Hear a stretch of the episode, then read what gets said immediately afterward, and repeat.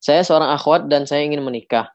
Tetapi ketika saya izin ke orang tua saya, orang tua saya menginginkan saya kerja dengan alasan agar kuliah saya tidak sia-sia. Mendengar hal itu, saya pribadi menjadi kepikiran, Ustaz. Saya merasa kalau tidak kerja, kuliah saya selama ini sia-sia. Saya bingung memilih-milih pekerjaan yang sesuai dengan syariat. Sampai akhirnya, Alhamdulillah, saya sudah diterima kerja di lembaga sosial dan besok saya sudah mulai bekerja. Mudah-mudahan Allah mudahkan. Namun lembaga sosial ini yang menangani zakat, kurban, wakaf, kemanusiaan, dan lain-lain seputar sosial, Ketika saya lihat YouTube-nya, lembaga tersebut masih mendukung acara musik. Dan untuk pekerjaannya, pekerjaan saya sendiri, saya bekerja sebagai admin kurban. Apakah pekerjaan saya dan penghasilan yang saya dapatkan nanti halal, Ustadz? Mohon jawabannya, Ustadz. Jazakallahu khairan. Barakallahu fikum wa jazakumullahu khairan. Semoga Allah Subhanahu wa taala memberikan kemudahan dan Allah mudahkan urusan kita di dunia dan di akhirat.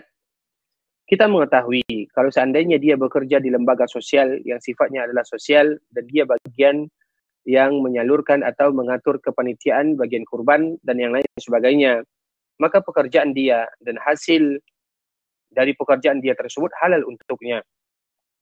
Sedangkan apabila yayasan tersebut dia mendukung sesuatu yang mungkin masih diharamkan di dalam syariat Islam, seperti mendukung musik atau melakukan hal-hal yang diharamkan di dalam syariat Islam itu mungkin sifatnya secara individu. Bukan berarti semua orang yang ada di dalam tersebut mendukung hal-hal yang sama.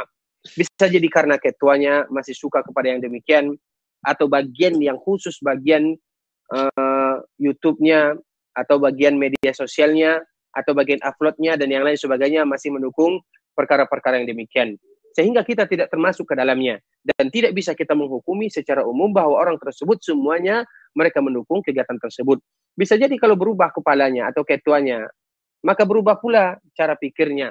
Sehingga dengan demikian kita mengetahui apabila kita bekerja di sana dan kita khusus bagian penyelenggara kurban tersebut atau panitia penyaluran apa pun namanya masalah kurban, maka gaji yang kita makan adalah sesuatu yang yang dihalalkan karena kita bekerja dari sesuatu yang halal dan kita mengetahui akad-akad antara kita pihak pertama dan pihak kedua juga tidak ada yang melanggar syariat di sana. Semoga Allah Subhanahu wa taala menjaga kita, memberikan taufik dan barokah. Barakallahu fikum wa jazakumullahu khairan.